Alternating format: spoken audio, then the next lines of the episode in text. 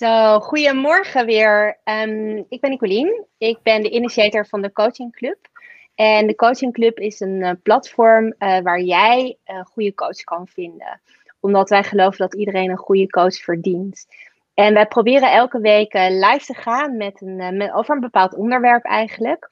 Um, en vandaag hebben we Linda Kroes bereid gevonden om te gaan praten over het voldoen, van verwachting, voldoen aan verwachtingen van anderen. En uh, nou ja, waarom je dat wel doet, waarschijnlijk nu al. Tenminste, ik denk dat we het allemaal wel doen. Um, maar wat het je kan brengen om af en toe ook gewoon vooral naar je eigen stem te luisteren. Ik ga Linda er nu bij halen. Goedemorgen Hallo. Linda, hartstikke fijn dat je er bent. Wat leuk. Ja, ik heb er zin in. ja, tof. Hoe lang ben je al coach? Um, ik werk nu drie jaar als coach. Oké, okay, leuk.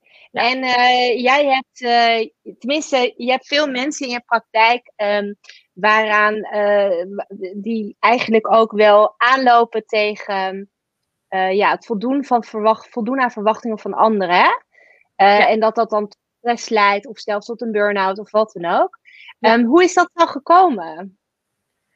Um, nou ja, voornamelijk door eigen ervaring eigenlijk. Dus um, ik heb uh, vijf jaar geleden uh, kwam ik in een burn-out terecht.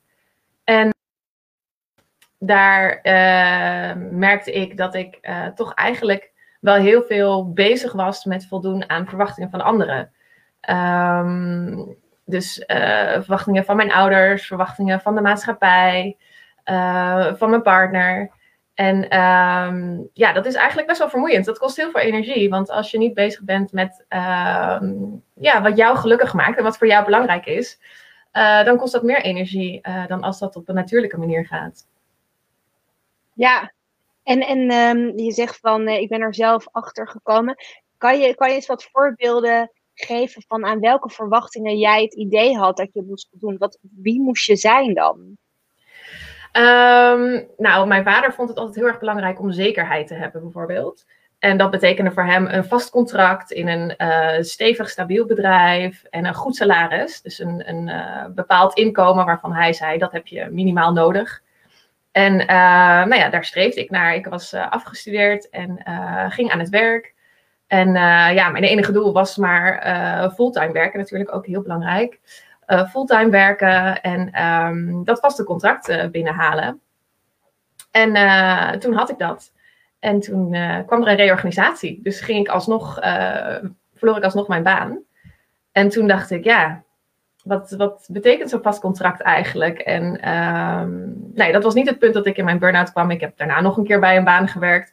En nog een keer. En ik merkte dat ik gewoon heel vaak ook mezelf verloor in uh, de verwachtingen van mijn werkgevers. Dus um, van tevoren hadden we dan een interview over uh, wat mijn uh, taakomschrijving zou zijn, wat mijn rol zou zijn, wat mijn werk zou zijn. En terwijl ik dat werk deed, kwamen er steeds meer dingen bij die ehm, niet binnen mijn functieomschrijving pasten en ook niet bij mij pasten. En dat had ik dan in het begin wel gezegd. En als ze dan een voorstel deden van uh, misschien kan je dit erbij doen. Dan zei ik, nou, dat is niet mijn expertise. Uh, ik ben niet zo goed met nummers bijvoorbeeld, als ze heel ingewikkelde dingen uit Excel wilden. En toch kwam ik eigenlijk altijd met dat werk te zitten. En merkte ik dat ik toch aan hun verwachtingen wilde voldoen. Dat ik dacht, oké, nou ja, weet je, ik ga het wel proberen. Maar ja, als je al veel werkdruk hebt en je gaat allemaal dingen proberen die, ehm, die niet bij jou passen, dan op een gegeven moment dan, is, is het een beetje op. En, en kan jij jou, hoe dat bij jou dan ging, dat jij dan wel toch aan bepaalde verwachtingen bleef voldoen, terwijl je dus eigenlijk wist dat je, waarom deed je dat? Waar, waarom doet een mens dat? Ja, we zijn toch wel heel erg uh, geneigd om uh, mensen te helpen. En dan uh, is dat vaak bij vrouwen net wat sterker dan bij mannen. Mannen zijn iets beter in nee zeggen dan vrouwen. Uh, maar vrouwen hebben natuurlijk al het zorgzame van uh, voor een kind zorgen, voor een gezin zorgen. En dat nemen we vaak ook mee in, in onze uh, partnerrelatie en zelfs in ons werk. Dus we willen er graag voor zorgen dat de dingen op rolletjes lopen. Um, en dat zorgt er meestal voor dat we het dan toch even doen. Of dan toch even dat andere werk aan de kant leggen. En zeggen: Oké, ik help je wel even, want ik zie hoe moeilijk je het hebt. En daarin toch vaak onze eigen grenzen eigenlijk voorbij gaan. Ja, dus je gaat eigenlijk je eigen grenzen voorbij om tegemoet te komen aan de wensen van een ander, zeg je. Ja. En als je dat vaak doet, dan levert dat te veel stress en mogelijk een burn-out op. Um, en als je dan dus voldoet aan de wensen van een ander, is dat dan omdat je graag goedgekeurd wil worden? Of wat, is, wat ligt daar aan de grondslag dan? Ja, vaak wel um, bevestiging en inderdaad goedkeuring. Um, ja, gezien worden ook. Gevonden, gezien worden, ja. ja. ja. En het is ook wel wat vaak gebeurt. Kijk, bij mij um, was het dan redelijk. Uh, ik kon in ieder geval al opmerken dat ik dacht: hmm, dit werk vind ik niet leuk of dit werk kan ik niet zo goed. Um, maar het kan ook met kleinere dingen gebeuren. Dat je niet eens doorhebt, bijvoorbeeld. Dus dat je uh, leeft naar verwachtingen van anderen, maar dat je eigenlijk niet eens beseft dat je dat doet. En, en want het is wel belangrijk volgens mij vanuit jouw coaching en vanuit jouw coachingpraktijk dat je dat besef uh, cultiveert. Of hoe, hoe zeg ik dat? Dat je, dat je zorgt dat je dat besef wel hebt. Want, want jij vertelde van, joh, ik heb die burn-out gehad. En dat was voor mij het moment om echt te zeggen, oké, en nu is het genoeg met al die verwachtingen van anderen. Ja. Ik denk nu ook aan mezelf denken, want ik red dit niet. Maar ik denk juist dat jij in je coachpraktijk ook mensen wil helpen om zo'n burn-out te voorkomen. Ja, absoluut. Ik uh, vind, ja, het is natuurlijk heel belangrijk. Voorkomen is beter dan genezen. Want als je eenmaal in zo'n burn-out zit, dan, dan verlies je, ja, dan kost het heel veel tijd om daar weer bovenop te komen. Um, dus ja, als je kan voorkomen, of in ieder geval bij de eerste stressklachten misschien al um, ja, hulp kan inschakelen, is dat eigenlijk veel beter. Dus uh, ja. Mij was het bijvoorbeeld heel erg dat ik, ik werd heel erg onrustig en ik was heel ontevreden. En ik wist ook niet gelijk dat het kwam omdat ik uh, leefde naar verwachtingen van anderen. Ik wist wel dat ik werk deed wat ik niet leuk vond. En ik wist wel dat ik had al nee gezegd, maar er werd dan niet naar geluisterd. Dus had ik dan eigenlijk wel goed nee gezegd. Dat was voor mij mijn eerste les uh, toen ik uit mijn burn-out kwam. Ben ik eigenlijk wel duidelijk genoeg? Want ik zeg wel nee, maar ik doe het toch. Dus ja, daar ga ik toch de mist in. En uh, toen besefte ik van, oh, hier moet ik echt wat aan gaan doen. Ja, dus het moment dat jij zeg maar onvrede voelde en niet, dat het niet echt lekker meer ging, had jij zoiets van, nou, dit, nu moet ik duidelijker en vaker nee gaan zeggen. Ja, maar daar ben ik niet zelf achter gekomen hoor. Oh. is naar mijn coach. nee, naar maar waarom ben jij toen naar die coach gegaan dan? Want ik bedoel, uh... wanneer bel je de coach dat je zegt, help? Want um, het is niet dat je dingen niet zelf kan. Hè? Ik geloof dat een mens heel veel dingen zelf kan. Uh, maar soms heb je gewoon hulp, of hulp nodig van een ander. Of een andere blik. Want ieder mens heeft weer een andere manier van kijken, een andere manier van denken, et cetera. Dus hij heeft een andere bril op, zo zie ik het. Ja. Waardoor het soms ook heel fijn is om iemand anders erbij te trekken die een andere bril op heeft. Dus wanneer ging jij die coach bellen? Ja, eigenlijk veel te laat. Dus um, wanneer ik de coach ging bellen, was toen ik um, heel veel fysieke klachten had, waardoor ik niet meer kon werken. Dus het begon een beetje met, uh, met zere schouders en spanning in mijn schouders. Toen kreeg ik last van mijn onderrug. Nou ja, en toen op een dag kon ik gewoon niet meer opstaan uit bed, omdat mijn hele lichaam verkrampt was. En uh, ja, dat was een beetje laat. ik, had, uh, ik wens nu dat ik veel eerder aan de bel had getrokken. Maar pas die fysieke klachten waren eigenlijk voor mij de reden om aan de bel te trekken. En uh, ja, toen heb ik uh, met mijn werk overlegd en mocht ik een coachtraject uh, aangaan met een coach die ik zelf uitgezocht had. Ik vind het zelf altijd heel belangrijk dat je niet iemand toegewezen krijgt, maar dat je zelf mag kiezen, want je gaat aan jezelf werken en dan moet je je wel comfortabel voelen met degene waar je dat mee gaat doen. Dus gelukkig stond mijn werk daarvoor open. En um, ja, toen pas ben ik eigenlijk aan de slag gegaan ermee. En um, ja, kwam het naar voren dat ik inderdaad niet heel duidelijk nee zei. En dat ik uh, eigenlijk ook niet wist waar mijn grenzen lagen. Dus dat dat een van de redenen was waarom ik ook steeds over mijn grenzen ging en het steeds toch deed. Omdat ik helemaal niet wist wat belangrijk voor mij was. Omdat ik helemaal niet wist waar mijn talenten lagen. Omdat ik eigenlijk uh, ja, een beetje zo aan het zwemmen was en aan het uh, freestylen. Ja, nou ja, je wordt natuurlijk ook, je groeit op, je wordt opgevoed vanuit de beste bedoelingen, tenminste in de meeste gevallen. Maar die, die, je vader en je moeder, die redeneren ook weer vanuit wat hij of zij hebben meegemaakt, wat hij of zij belangrijk vinden. En omdat je je kind vaak in de meeste gevallen het beste gunt, denk je dat dan wat voor jou het beste is, dus ook voor je kind het beste is. Terwijl het kind wellicht een heel andere behoefte heeft of andere dingen belangrijk vindt natuurlijk. Ja, nou precies. Dus, dus je zegt ouders. Ja, dus, dus eigenlijk wat je zegt is dat we met z'n allen ook eens af en toe ons af zouden moeten vragen van wat, waar, waar word ik nou gelukkig van, wat vind ik nou belangrijk? Ja. Leren, leren de kinderen dat op school tegenwoordig? Nee, Weet jij dat? Nog steeds niet. Nee, ik vind dat op school nog steeds te veel de nadruk ligt op ehm, wat de maatschappij belangrijk vindt, wat de school belangrijk vindt. En ehm, je hebt tegenwoordig wel rots- en watertraining. Dus dat zijn uh, eigenlijk de kindertrainingen van ehm, de, de coachingsmanier die ik toepas. Waarbij uh, je, je, ja, je onderscheid gaat maken voor kinderen dan bijvoorbeeld uh, tussen negatieve rode gedachten en groene gedachten. dus helpende gedachten en niet helpende gedachten en zelfvertrouwen. En ik vind eigenlijk dat er dus ook zoiets voor volwassenen moet zijn. Maar ja, ja, toch is het natuurlijk ook niet makkelijk als kind, want je groeit op en dan uh, dan heb je wel zo'n training gehad, maar dan ga je naar de middelbare school. Ja, dan wil je natuurlijk vriendjes maken en uh, je wil erbij horen. Dus daar, daar begin je dan eigenlijk ook al met jezelf steeds meer verliezen. En ja, je ouders hebben bepaalde normen en waarden waar zij mee opgevoed zijn. En dat hele mixpakketje, dat krijg je mee. En ja, ik besef gewoon steeds meer dat het heel erg belangrijk is om ook bij jezelf te gaan kijken, wat vind ik nou belangrijk en wat hoort nou bij mij en waar word ik nou blij van? Want ik word niet blij van een kantoorbaan van 40 uur.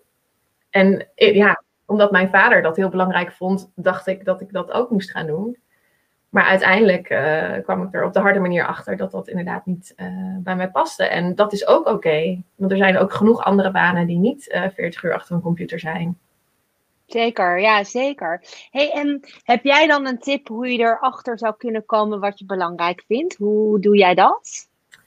Um, ja, ik ben heel erg uh, begonnen met uh, verbinden met mezelf. Dus, um, en ja, dat, dat klinkt heel breed, maar dat kan je op verschillende manieren doen. En dat hoeft echt niet zo ingewikkeld te zijn.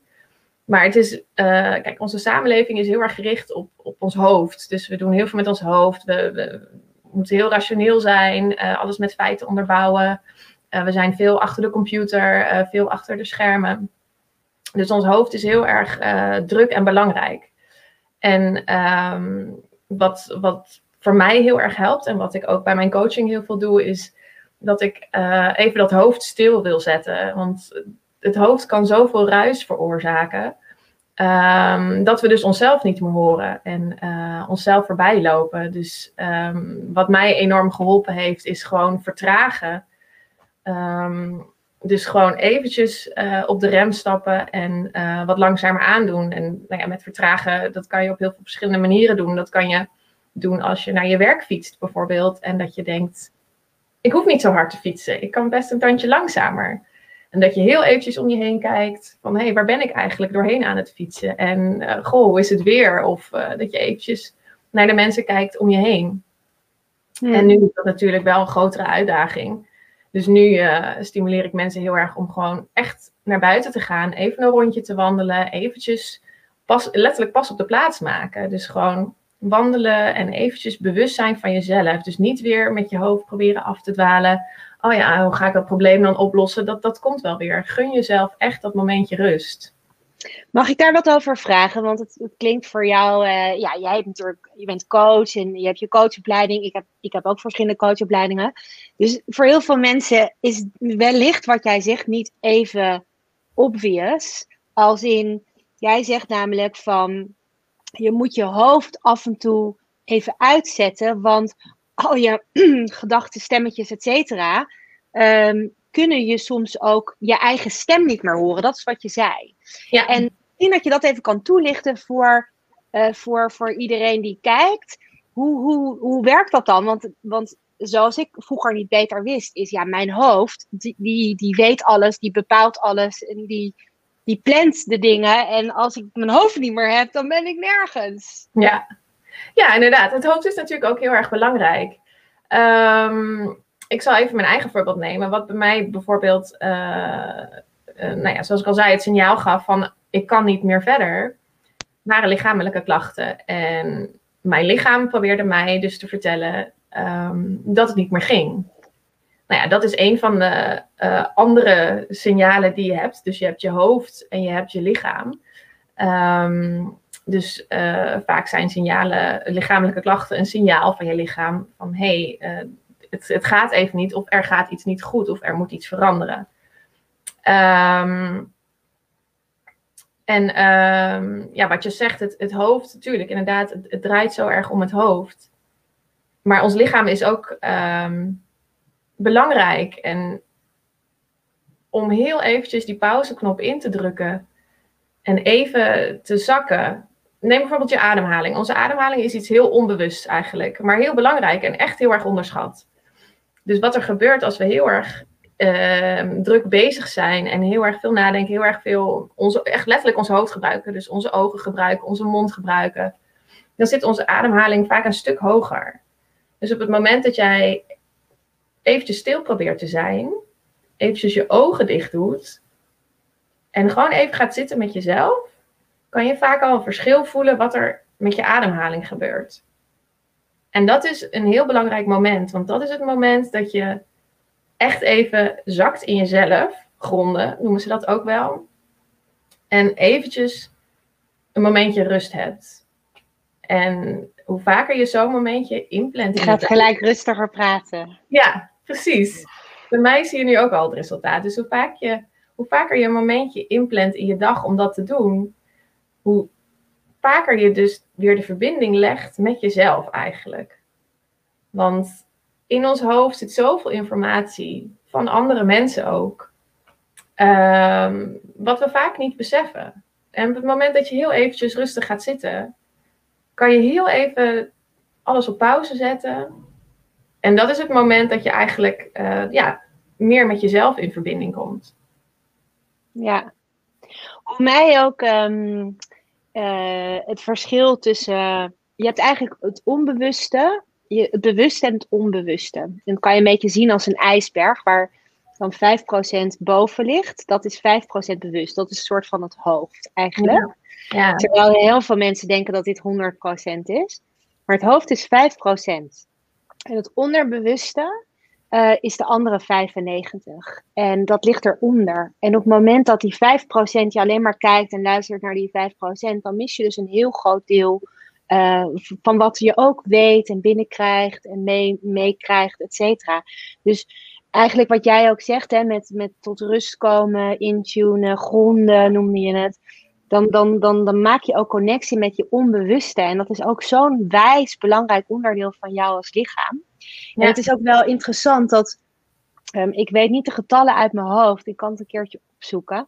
Maar dat um, het aantal impulsen wat je binnenkrijgt per seconde in je hoofd, misschien weet jij dat wel, Linda, um, is echt, nou ja, volgens mij 120.000 keer zo klein dan wat je allemaal in je onbewuste binnenkrijgt. Dus het onbewuste kan veel, heeft veel meer kennis, krijgt veel meer binnen dan dit stukje. Dat is super beperkt eigenlijk. Alleen dat is niet hoe we, wat we leren. We leren eigenlijk, ja, maar met je hoofd ben je alles. Uh, als je een knap kopje hebt, dan kom je er wel. Dat is ook zo. Ik bedoel, tuurlijk, je hoofd heeft ook heel veel goede dingen. Hè.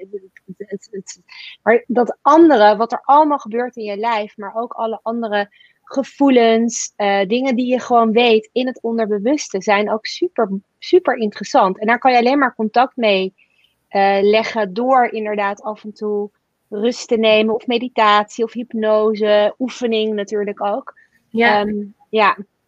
ja. ja in plaats van wat je eigenlijk zegt, is dat je zo soms zo in die sneltreinvaart zit. Dat je noemde, je noemde het op je fiets. Maar het is eigenlijk in heel vaak, heel veel gevallen het leven is soms zo'n sneltreinvaart. Ja. Dat je overal doorheen race, waardoor je de, nou ja, heel veel dingen niet meekrijgt. Wat natuurlijk ontzettend zonde is. En jij zegt eigenlijk, ik heb tijd voor, oké, maak contact met je lijf, met je onbewuste, met je lijf. Want dat geeft zoveel signalen.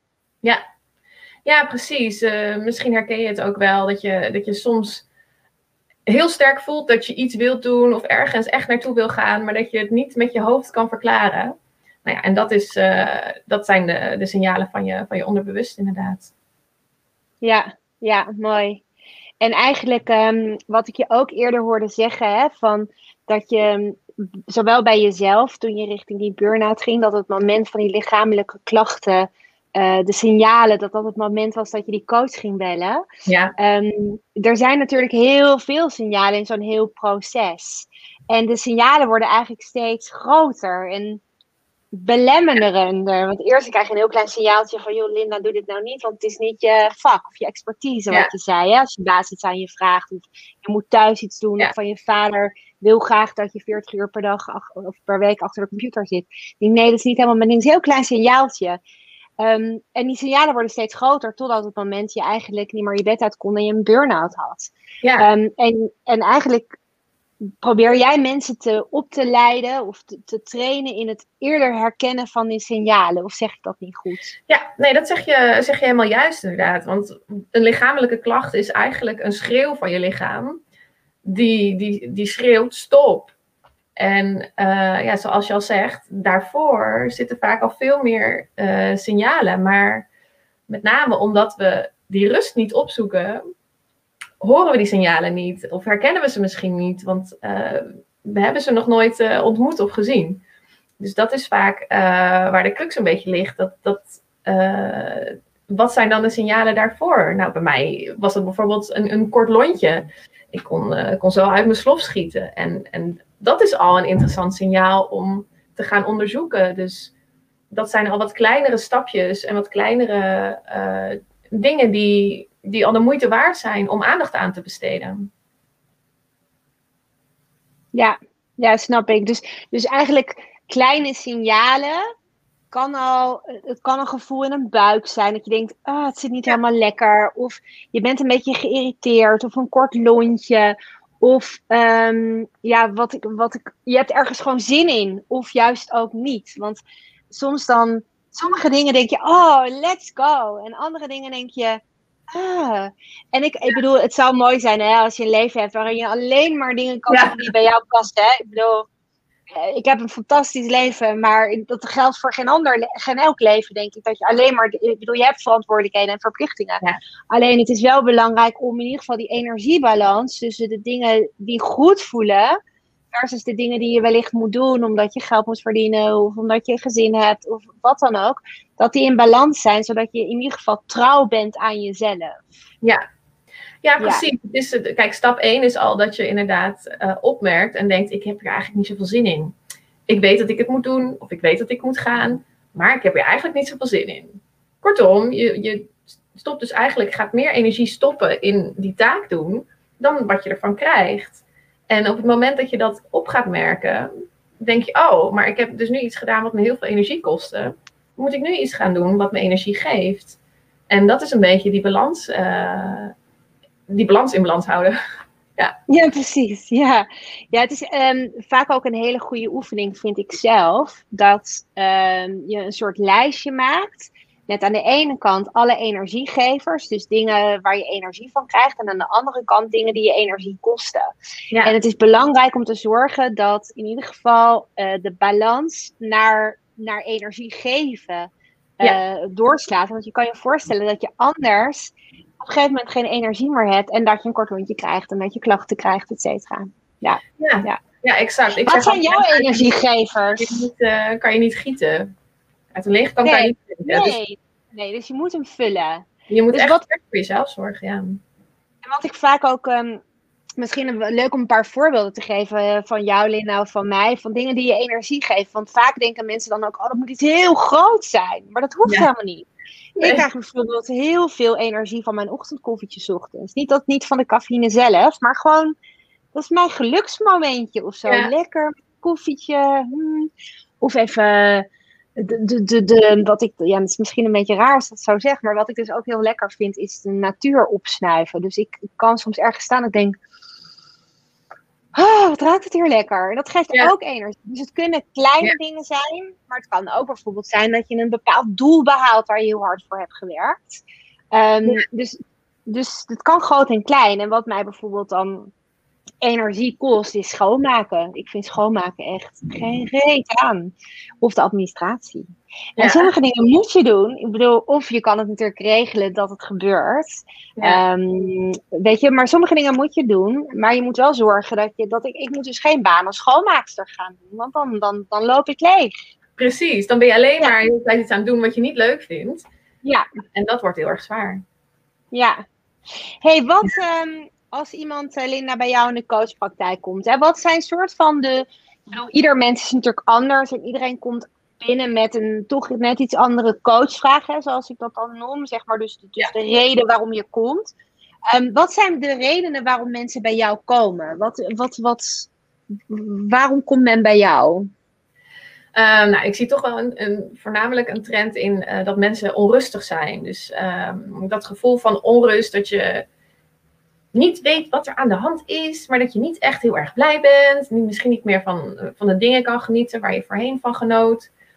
Um, en dat je niet echt uh, goede concentratie hebt. Slecht slapen is ook een uh, van de klachten die ik veel hoor. Um, en um, ja, dingen als, als last van je schouders. Kijk, je schouders die, die, die trek je snel op. Probeer dat maar eens te kijken als je aan het werk bent. Als je langs, lang achter de computer zit. Weet je, probeer dan af en toe eens zo'n momentje te nemen van hoe zit ik eigenlijk bij. Meestal zitten we dan met opgetrokken schouders. Dus dat is ook vaak uh, een uh, klacht die veel mensen hebben. En die je ook met coaching op kan lossen. Dus dat zijn niet per se dingen die je alleen maar met een visio op kan lossen. Um, maar het is ook echt iets in jezelf. Kijk, je kan wel aan je houding gaan werken. Maar als jij de neiging hebt, bijvoorbeeld als jij inderdaad computerwerk niet leuk vindt. En iedere keer als je, als je achter die computer zit, doe je dit. Ja, dan, dan is dat ook een, een uh, wisselwerking van energie. Dus lichamelijke klachten. Grappig eigenlijk um, waar ik nu aan denk, hè, en dat is best wel vaak zo in de taal, maar dat realiseren we ons helemaal niet meer. Last van je schouder is last op je schouders. Er is een last op je schouders. Ja. Dus stress gaat heel vaak hierin zitten. Of uh, dat het niet, weet je, dat, dat, is waar het opslaat in eerste instantie. Dus ja. heel vaak heb je van die, van die, van die, van die, ja, last van je schouders en last op je schouders en een last van je schouders af. Ja. Dus uh, ja. ja. is valt een last van mijn schouders af. Het is heel, heel, heel logisch eigenlijk als je zo naar heel veel van onze spreekwoorden en taal gaat kijken. Ja. Dus jij zegt eigenlijk van uh, als je gewoon niet meer zoveel energie hebt, of gewoon niet helemaal lekker in je vel zit, of niet lekker slaapt, onrustig bent, of fysieke klachten zoals schouderklachten, dan kan jij uh, als coach kan jij iemand helpen om eigenlijk naar die signalen allemaal te gaan kijken wat er achter die signalen ligt. Waardoor, waarom Ja. die signalen er zijn eigenlijk, of niet? Ja, precies. Dus inderdaad, als iemand bij mij eh, in de praktijk komt, dan ehm, luister ik natuurlijk eerst altijd even naar het verhaal van, eh, eh, nou ja, waarom ben je hier en wat zijn de, de grootste, ehm, eh, ja, ik vind klachten altijd een beetje, maar ja, wat zijn de grootste klachten eigenlijk? Waar wil je mee? Irritaties, Ja, frustraties, irritaties, uitdagingen. dingen die je anders wil. Ja, dingen die je En anders wil. allemaal, hè? We allemaal. Iedereen Precies. heeft wel iets. Ja. Ja, daarom. En op het moment dat we het dan daarover hebben, kan ik al vaak inderdaad wat, wat eh, signalen eruit halen van, oh, nou, hier moeten we eens wat eh, dieper op ingaan. Of, of dat is iets, dat hoor ik steeds terugkomen. En dan gaan we inderdaad eh, langzaam op zoek naar, eh, naar wat, ehm, wat de dingen zijn die, eh, die je in eerste instantie eh, problemen geven. En daarna ehm, ja, gaan we onderzoeken hoe je dan signalen van jezelf kan, eh, kan herkennen. Dus eh, inderdaad, eh, als jij eh, iedere keer als iemand je vraagt, wil je Excel doen, dit gevoel hebt, ja, dan, dan Adem, adem in. Oeh, stop. Precies, Ja, een- dat is een ook zo of een verkramping. Nou ja, dat zijn dus al signalen dat, dat, dat je lichaam denkt, nee, nee, nee, nee, nee, dit moeten we niet doen. En dat kan ook in contact zijn met, met andere mensen. Dus ja, dat je denkt, nee, ik, ik voel, deze samenwerking voelt niet goed. En in plaats van dat je dat dan eerst gaat proberen, omdat je hoofd zegt, ja, maar misschien kunnen we er dit uithalen, is het heel veel waard om naar je, naar je gevoel te luisteren en te denken, ja, laten we dit ook gewoon niet doen. Ik hoef niet alles te doen wat me aangeboden wordt. Dat is vaak ook een beetje wat, Ja, eh, de druk die op ons ligt. ja. Hey, en werk jij bijvoorbeeld ook met eh, spiertesten? Nee, nee, ik doe geen spiertesten of bloedtesten. Nee. Oh ja, nee, maar ik bedoel, spiertesten, dat klinkt misschien heel ingewikkeld hoor. Maar ik bedoel eigenlijk meer, want eh, dat, eh, dat heeft, ja, en omdat je bloedtesten zei, dan dacht ik, wow, nee, nee, nee. Nee, maar ik bedoel meer, ehm, eigenlijk kan je met je onbewust, waar we het net over hadden gehad, hè, bewust en onbewust, en je kan met je onbewuste kan je praten, als je maar je hoofd uitzet. Hè? Dat is wel belangrijk, want anders gaat je hoofd daar van alles van vinden en dan krijg je een hoofdantwoord in plaats van een onderbewuste aanbod, uh, antwoord. Maar je kan ook heel vaak gewoon zelf door middel van, um, dus, dus echt intunen met je onderbewuste en dan een vraag stellen. En dan kan je hem lostrekken of niet. Is dan, wat is ja, wat is nee? Of, nou ja, op die, dat klinkt een beetje vaag misschien zoals ik het nu vertel. Maar ik denk dat het wel voor heel veel mensen super handig is om dit soort dingetjes te weten. Ik heb ooit in mijn NLP-opleiding, heb ik mijn ja-signaal en mijn nee-signaal leren kennen. Heb ik gewoon opgevraagd door middel van hè, eerst meditatie intunen. Um, echt bij jezelf, zodat je je hoofd uitzet en echt met je onderbewuste praat. Wat gewoon helemaal niet spooky of raar is, maar gewoon een heel belangrijk onderdeel van jou. Wat, er, wat onwijs veel goede dingen voor je doet. Um, en dan kan je een ja-signaal, en ik krijg hem dus nu. Dat is heel grappig. Ik krijg een ja-signaal.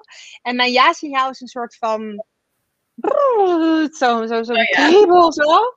Ja. En mijn nee-signaal, en dat is trouwens ook wel iets, een signaal wat ook iets anders betekent, maar is vaak dat, oh, dat, dat, dat, er, dat er een boer of wat dan ook of iets. Nou, dat klinkt heel oncharmant, maar in ieder geval dat er, dat er ach, hier zo. Ja. En uh, als je dat dus, als je die oefening ooit hebt gedaan en je gaat weer naar je onderbewuste of naar je, naar je, naar je kern, vanuit, je, hè, vanuit meditatie of wat dan ook, en je stelt een vraag, dan krijg je heel vaak een antwoord, als dat antwoord er al is. Ja. Dus ja. dat is super mooi ook om, nou ja, ook te gaan, niet alleen je signalen te leren kennen, maar ook te gaan werken met je signalen. Ja, ja. ja.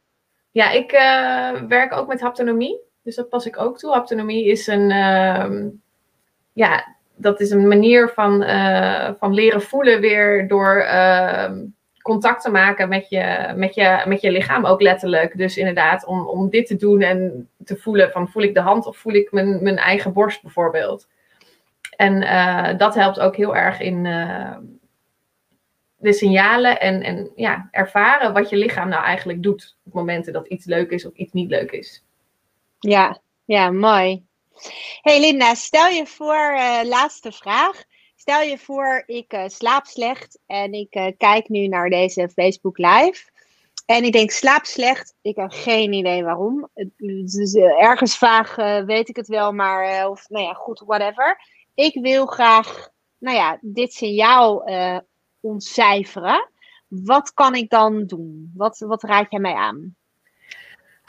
nou ik heb een e-book geschreven over hoe je zelf alvast kan beginnen met verbinden met je lichaam. Um, dat, zijn onder andere dingen als, uh, inderdaad, wat ik al noemde, vertragen, uh, maar ook wandelen. Um, dus ja, er staan wat tips in uh, waar je zelf mee kan beginnen om te kijken of, of het lukt. Ik bedoel, het is ook best een uitdaging om, om uit je hoofd en in je lichaam te gaan. Dus van het bewuste naar je onderbewuste. Um, maar het is uh, zeker de moeite waard om dat al zelf te proberen. En ja, mocht dat niet lukken, dan uh, kunnen mensen altijd uh, een afspraak met mij inplannen. Ik doe altijd eerst een, een gratis intake. Dus dat is een, een ja. Skype gesprekje. Of als je hier in de buurt woont, kunnen we ook in, ergens een wandelingetje maken. Dat is ongeveer 20 minuten. Waar woon je? Ik woon in Amsterdam, sorry. Oh, Belangrijk detail. ik weet niet waar hier is. Ja, ik weet nee. het wel, maar niet iedereen. Ja, nee. Goed dat je het zegt. Um, dus ja, ik vind dat het fijn om eerst even kennis te maken. Ja, snap ik. Ik denk dat dat voor beide partijen belangrijk is, toch? Ook als je een coach zoekt uh, die je met dit soort uh, klachten kan helpen, is het gewoon ook fijn dat er een klik is en dat er vertrouwen is en dat je gewoon goed voelt. Want ja, je, je gaat toch samen een soort um, traject in om ja nou ja, met je hoofd en je hart. En het is best een beetje spannend voor sommige mensen. Dus dat gevoel en die klik moet er wel zijn. Ja, snap ik ook. Hey, en waar kunnen mensen dit uh, e-book vinden? Is dat op jouw website? Kost het geld? Uh... Nee, het e-book is gratis. En dat is inderdaad te vinden op mijn website, uh, nomadcoaching.nl. En dan is er een, een tapje naar e-book. En daar kan je hem gewoon gratis downloaden. Superleuk. Nou, daar kunnen mensen in ieder geval vast mooi mee aan de slag. Ja. Um, zijn er nog wat laatste woorden vanuit jou toevallig? Um, nou ja, ik vind het wel belangrijk om uh, mee te geven uit mijn eigen les. Probeer, uh, wees niet bang om hulp te zoeken. Dus dat is ook een verwachting die mij is opgelegd. Je moet het allemaal zelf doen. Maar dat is echt niet nodig. Want er zijn zoveel mensen die uh, hun eigen specialismes hebben. En eh, we kunnen absoluut een heleboel zelf. Maar er zijn ook dingen die gewoon heel moeilijk zijn. En vooral, uh, ja, weet je, luisteren naar je lichaam en uh, verbinding maken met jezelf. Uh, en um, ja, zulke stappen zetten. Dat, dat is gewoon heel fijn als je daar een, een, begeleiding bij hebt. En het is niet iets paks. Dat vind ik zo'n vervelende taboe in onze samenleving. Dat je pas naar een therapeut gaat of naar een dokter gaat als je ziek bent. Maar het is juist zo mooi als je het van tevoren kan uh, voorkomen. En dat is echt geen, geen, uh, geen zwakte. En dat is ook wel mijn missie. Ja, zijn sterkte, ja. Halen. Want het, het, ja. het is zoveel lef om, om met jezelf aan de slag te gaan. En om nou ja, die 95% van onderbewuste, om daar eens naar te gaan kijken. Want het is zo ja. makkelijk. Het is eigenlijk heel makkelijk om in je hoofd uh, te ontvluchten. Veilig, ja. ja. Maar je mist zoveel als je dat doet. Precies, er zit zoveel moois uh, onder dat hoofd. En uh, ja, ik vind dat absoluut geen, uh, geen taboe om eens hulp te vragen hier en daar. En ik doe het eigenlijk zelf ook ieder jaar. Doe ik wel een traject of een. Ja, een, uh, ja het is zo belangrijk. Het is een, een, mentaal onderhoud. Ik bedoel, je brengt de auto ook ieder jaar naar de garage. En jij gaat ook naar de dokter. En ik vind het absoluut belangrijk dat dat ook voor het mentale mag gaan gelden. Een soort APK'tje halen. Precies. nou, dankjewel. Dankjewel voor je tijd uh, vanochtend. Super leuk uh, om hier met jou over in gesprek te gaan. En uh, nou, wij zien elkaar gauw. En als mensen jouw e-book willen downloaden of vanaf je website, ik zal nog even een linkje delen straks onder deze video, zodat ze je makkelijk kunnen vinden. Ja, super. Dankjewel. Dankjewel. Fijne Dank je. dag. Fijne dag. Zo, sorry. Hoppa, ja. Zo, sorry. Het ging even de verkeerde scherm. Uh, super fijn dat jullie hebben gekeken vandaag. Of uh, wellicht uh, kijk je hem later. Uh, mocht je vragen hebben, um, nogmaals, ik zal zo direct het e-book link van Linda. hoe je eigenlijk nog beter kan gaan luisteren naar signalen vanuit je lichaam. Um, zo direct delen onder deze video. En uh, mochten er vragen zijn, uh, kan je altijd even via de coachingclub een berichtje sturen. Um, en Linda is uh, ook een van onze members, dus je kan haar ook gewoon vinden op onze website. Ik wens je een hele mooie dag, een hele mooie week en tot gauw. Dankjewel.